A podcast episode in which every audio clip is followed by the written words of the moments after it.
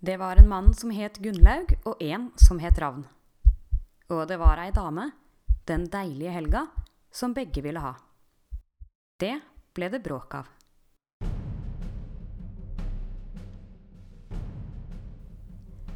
To ganger møttes de for å slåss.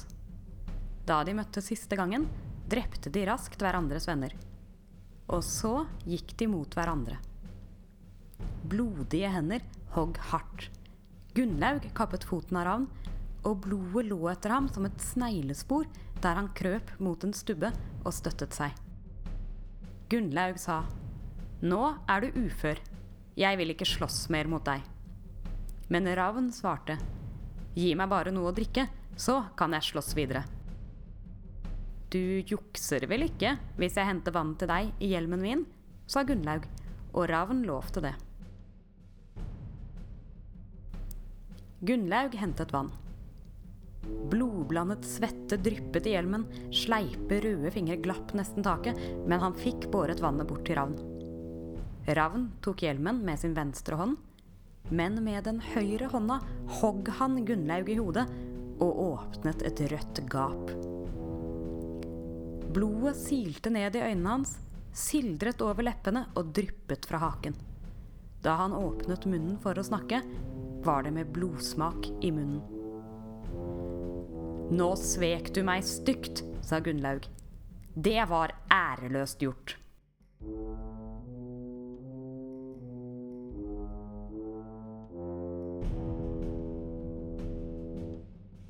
Ja, det er sant, svarte Ravn. Men jeg klarte ikke å dy meg. Jeg er så misunnelig på at du ligger med Helga. Gunnlaug tørket blodet fra øynene og gjøv løs på Ravn igjen og drepte ham. Gunnlaugs venner fant ham sittende på den blodglatte bakken. Han forbandt såret i hodet sitt, og blodet hans rant nedover håndleddene og armene og blandet seg med blodet fra dem han hadde drept. Tre dager seinere døde han selv av skaden. Men enda flere skulle dø av dette. Fedrene til Ravn og Gunnlaug drømte om sine sønner. De kom til dem i søvnen, tilsølte av blod, og kvad om kampen. Slik lød Ravns kvad.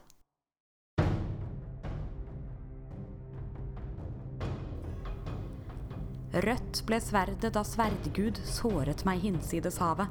Skjoldtroll rente mot skjoldet, prøvde seg på dets runding. Blodige blodgåsunger sto i blod over hodet. Enda en gang fikk sårgrisk sårfugl i sårsjø bade.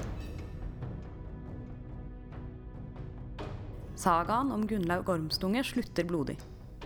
Gunnlaug og Ravns slekter dreper og lemlester i et vekselspill av hevn og hevn igjen. For når blodsbånd hugges over, kan det bare betales med blod.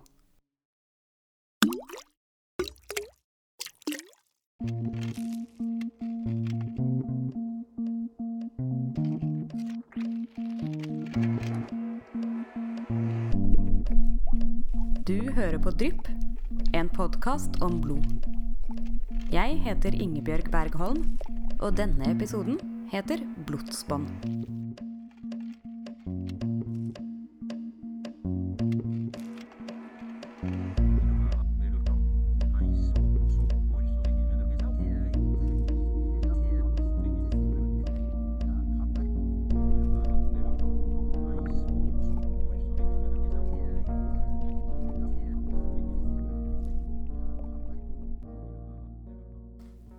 Blodhevn er blodige gjerninger.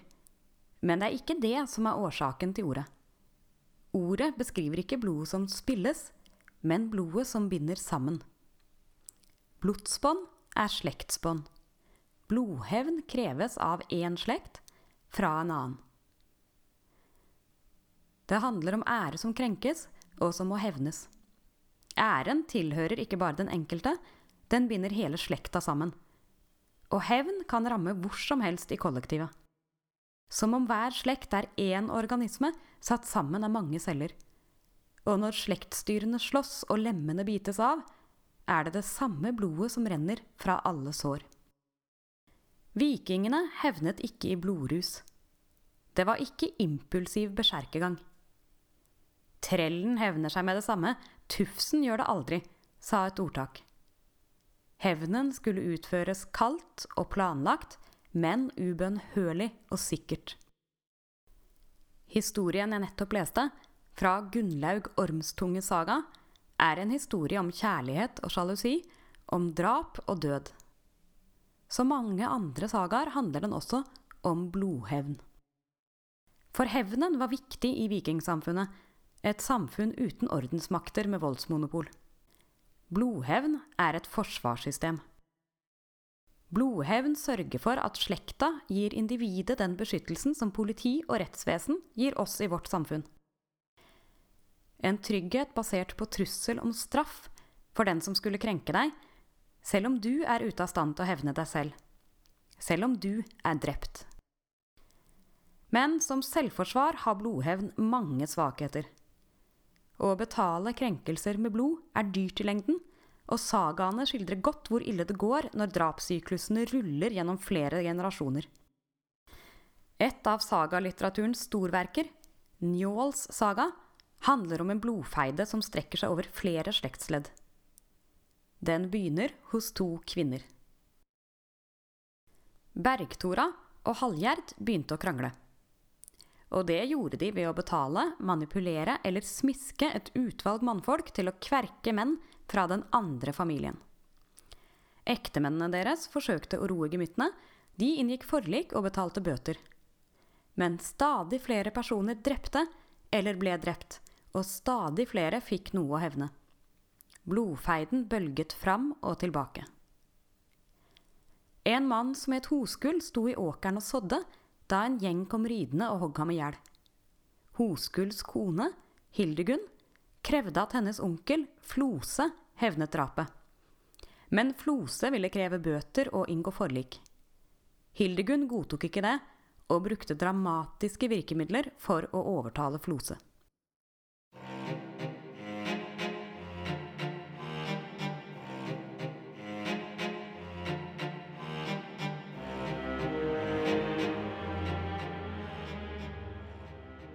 Hun åpna kista si og tok opp Hoskulls kappe, ei kappa han hadde fått av Flose.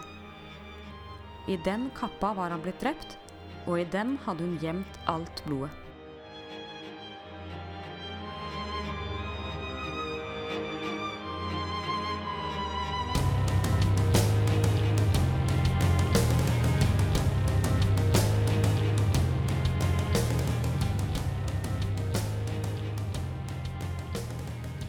Hun tok den med seg inn i stua og gikk bort til Flose uten å si et ord. Så la hun kappa over ham, så størknet blod drysset ut over ham. Blodkaker flasset som skurv fra stoffet, og rødsvart støv kledet seg til Floses hud.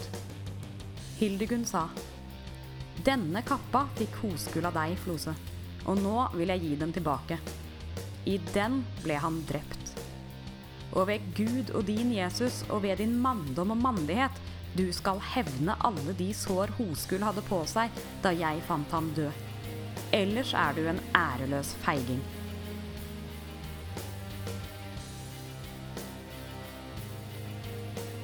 Kalle er kvinneråd, svarte Flose. Han heiv kappa av seg.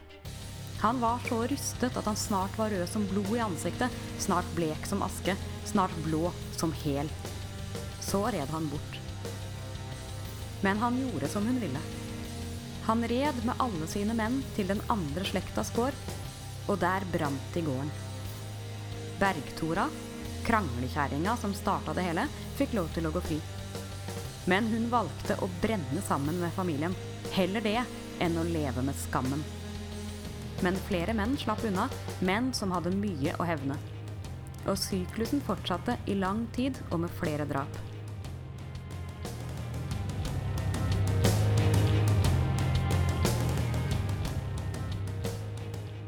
Hildegunn, Bergtora og Hallgjerd er ikke passive ofre i sagaen.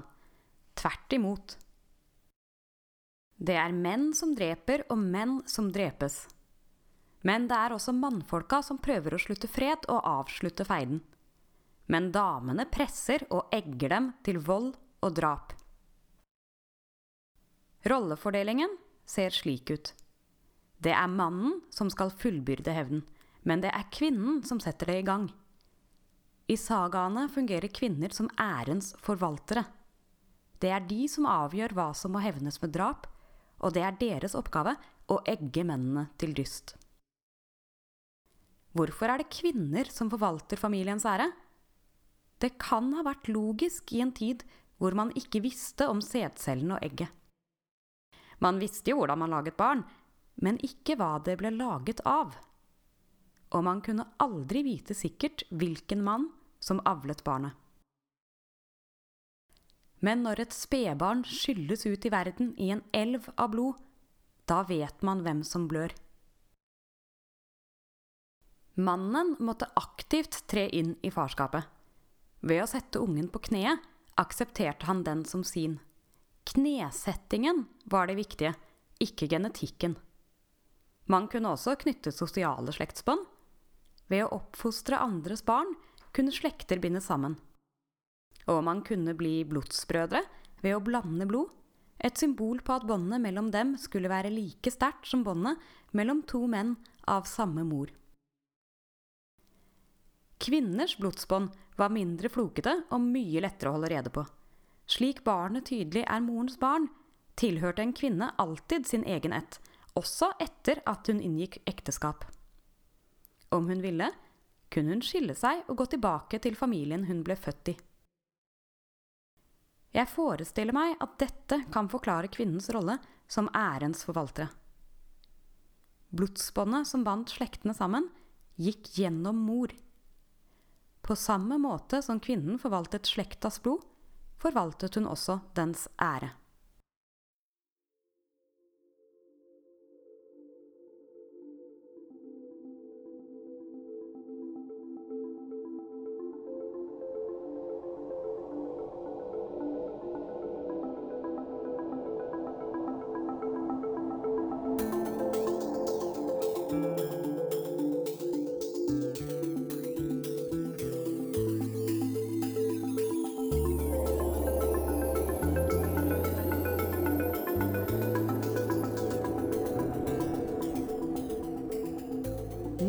Foster vokser i mammaens mage, begynner det nesten med det samme å lage blod. Allerede før fosteret er 1 cm langt, har det laget ørsmå blodårer og et mikroskopisk hjerte som pumper og slår. Etter seks uker er kretsløpet på plass fra barn til morkake, bundet sammen av navlestrengen. Mitt blod renner i dine årer, kan man si til sitt barn. Du er av mitt blod. Men foster og mor deler ikke egentlig blod. Det ville ha vært farlig.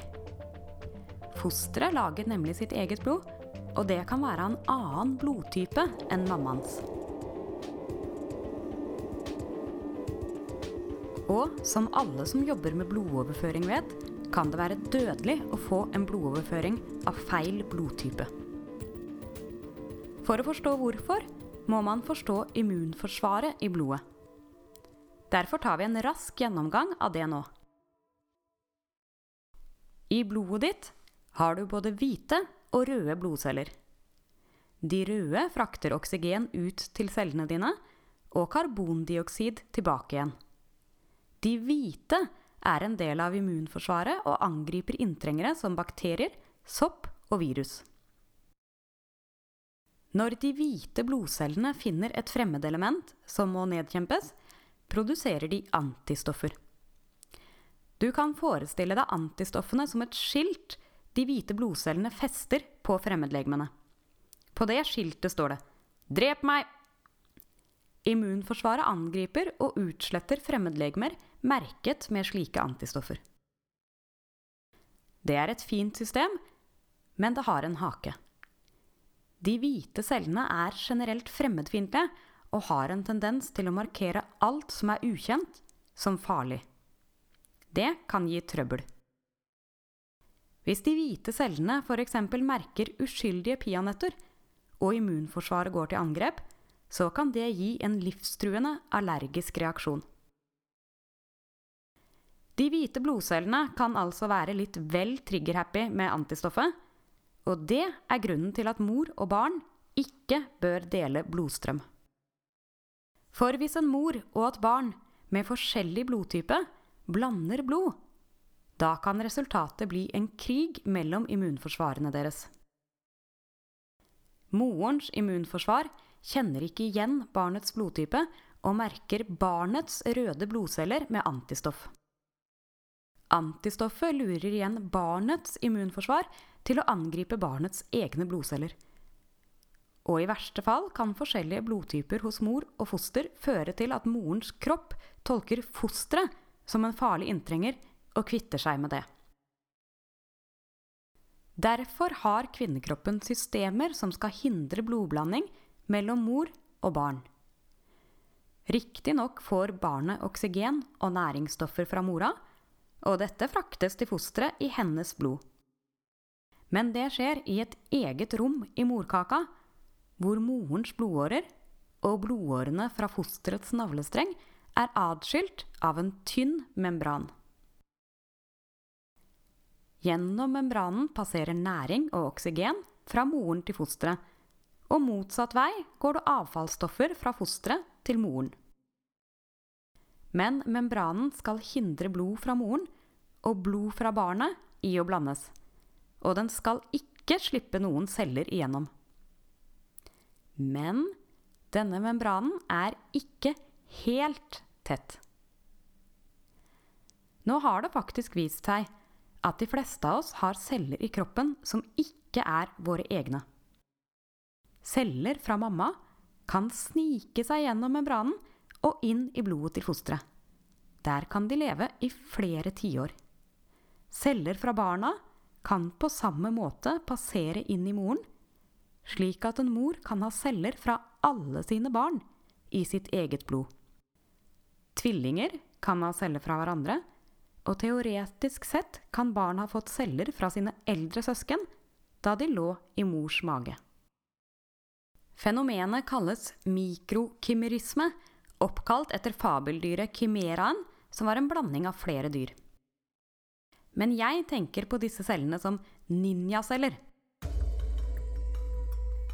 Fordi de sniker seg ubemerket over i et fremmed territorium. Der skjuler de seg men de kan også spille en aktiv rolle som gode eller onde agenter i kroppen. Ninjacellene fra barnet har den egenskapen at de kan herme etter andre celler og vokse inn i forskjellige vevstyper. Etter graviditeten rydder morens immunforsvar opp og fjerner fosterceller i blodet. Men det finner ikke cellene som har maskert seg som morens eget vev. Forskere på autoimmune sykdommer har begynt å studere kvinner med slike ninjaceller i kroppen. Autoimmune sykdommer er en gruppe sykdommer hvor immunforsvaret angriper sin egen kropp. Og forskerne har funnet høyere forekomster av ninjaceller hos pasienter med autoimmune sykdommer enn hos friske. Teorien er at ninjaceller fra fosteret forvirrer morens immunforsvar og lurer det til å angripe morens egne celler cellene fra barnet får morens kropp til å angripe seg selv.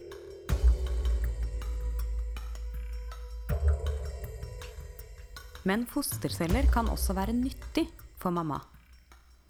Kanskje er slike celler det som gjør at risikoen for brystkreft er lavere hos kvinner som har vært gravide? Her er teorien slik.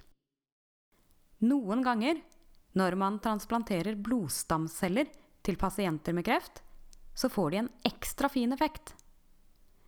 De transplanterte blodcellene fungerer som allierte tropper i vertens immunforsvar og hjelper til med å finne og drepe kreftceller. Og forskerne lurer på om ikke celler fra fosteret i morens kropp kan hjelpe til på en lignende måte. Kanskje er det ninjacellene fra barnet som er med og beskytter morens kropp mot kreft? Barn kan også ha celler fra moren i seg. Det er også på godt og vondt. Her tror man også at de kan være med på å gi autoimmune sykdommer.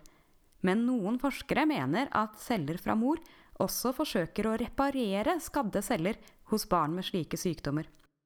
Barnet får vondt, og mamma forsøker å ordne det. Også på cellenivå.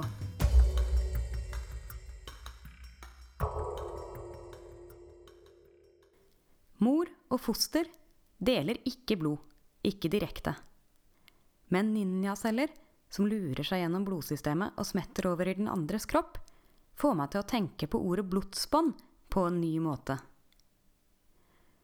Å være knyttet sammen av blodsbånd er både fint og dumt. Når slekta blander seg inn i ditt livssystem, så kan det være både en hjelp og en ulempe.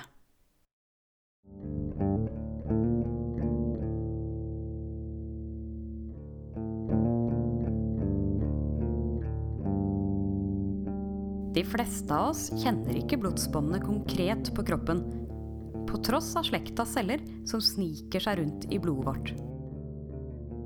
Men blodsbånd og blodhevn er fortsatt påtrengende til stede flere steder i verden.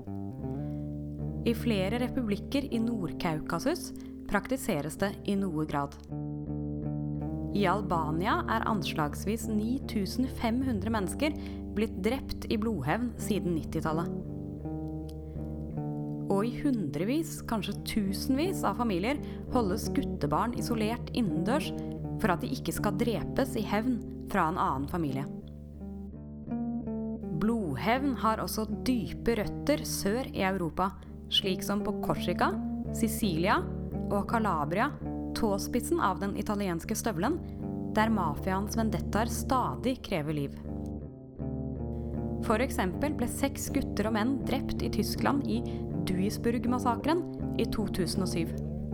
Drapene var en del av San Luca-feiden, som startet 16 år tidligere, da en karnevalsspøk endte med at to unge menn ble drept. Blodsbånd binder slekta sammen, og i klansamfunn går alle medlemmene sammen om å forsvare slekta fra angrep utenfra. I blodomløpet finnes de hvite blodlegemene, som forsvarer kroppen mot farlige fremmedlegemer. Men når immunforsvaret går amok, overreagerer det mot ufarlige stoffer eller angriper forvirret sin egen kropp. Og da kan hele organismen dø.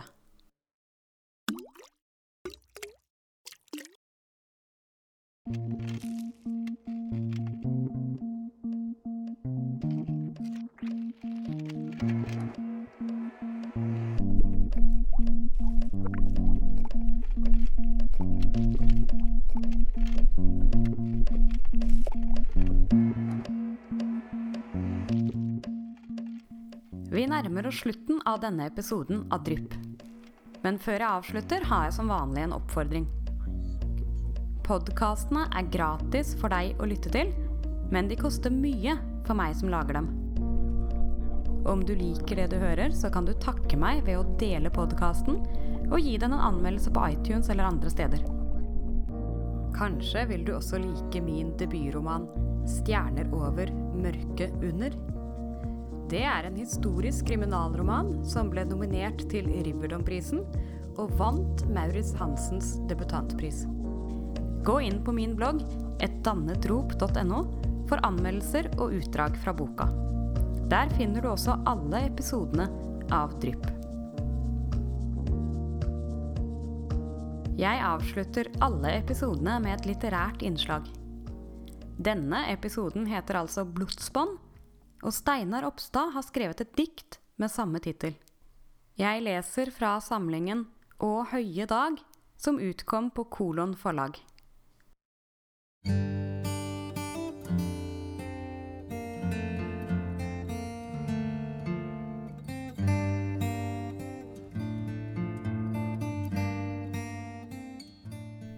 Husk, vi er av innflytterslekt, sier far og ramser opp navnene på bøndene som har eid gården, og jeg prøver å forestille meg hva blodsbånd er.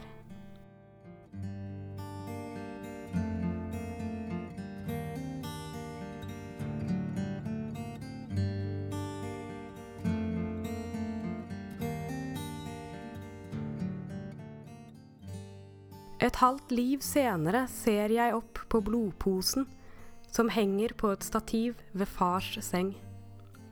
Utenfor sykehuset snør det. Aldri vil det røde være mer rødt enn nå, tenker jeg. Og hva er blodsbånd annet enn en sørgelig salme, som bare de eldste husker?